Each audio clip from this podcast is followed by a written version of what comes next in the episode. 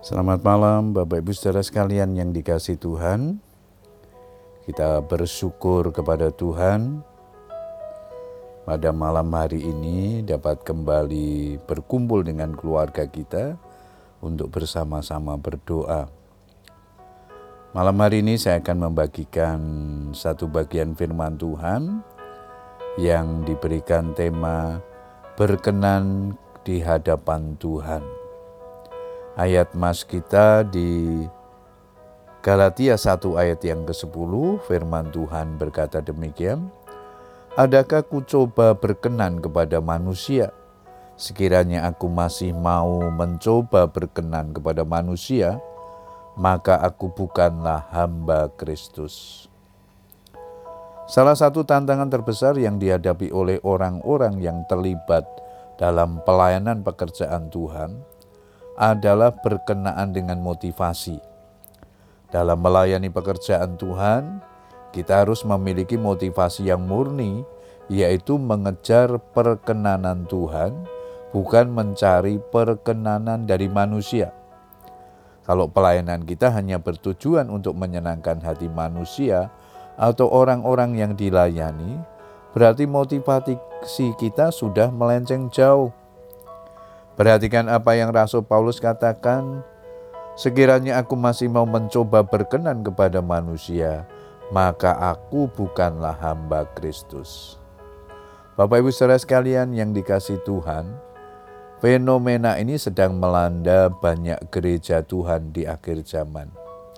Banyak pelayan Tuhan atau bahkan hamba Tuhan yang karena takut kehilangan jemaatnya, akhirnya memilih untuk berkompromi dengan dosa. Mereka tidak berani menegur jemaatnya yang berbuat kesalahan. Mereka tetap saja menutup mata seolah-olah tidak terjadi apa-apa.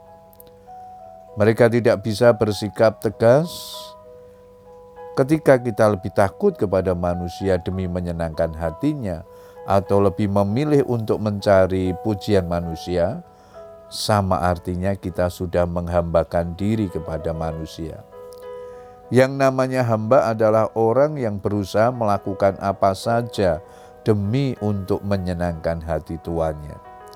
Ketika kita melakukan segala sesuatu dan menempuh segala cara dengan tujuan untuk menyenangkan hati manusia, berarti kita sudah menjadi hamba manusia sebagai pelayan-pelayan Tuhan atau hamba-hamba Tuhan, kita harus memiliki satu tujuan dalam melayani pekerjaan Tuhan. Kita harus memiliki satu tujuan bagaimana supaya kita tetap berkenan dan menyenangkan hati Tuhan. Orang yang mengejar perkenanan Tuhan pasti akan menghambakan diri kepada Tuhan sepenuhnya dan berkomitmen untuk meninggalkan cara hidup yang tidak berkenan kepada Tuhan. Kita tidak akan melakukan perbuatan-perbuatan yang menyimpang dari kebenaran yang membuat hati Tuhan sedih. Inilah harga yang harus dibayar seorang pelayan Tuhan. Apa pun situasinya, kita harus tetap berdiri teguh dalam kebenaran firman Tuhan dan tidak akan berkompromi dengan dosa. Kristus sudah mengorbankan nyawanya untuk menebus dosa-dosa kita karena itu kita harus menghambakan diri sepenuhnya hanya kepada Tuhan. Puji Tuhan Bapak Ibu Saudara sekalian malam hari ini firman Tuhan mengingatkan kepada kita setiap hal yang kita lakukan dalam melayani Tuhan biarlah kita tujukan untuk hormat dan kemuliaan namanya. Jadilah hamba-hamba yang berkenan di hadapan Tuhan. Selamat berdoa dengan keluarga kita. Tuhan Yesus memberkati. Amin.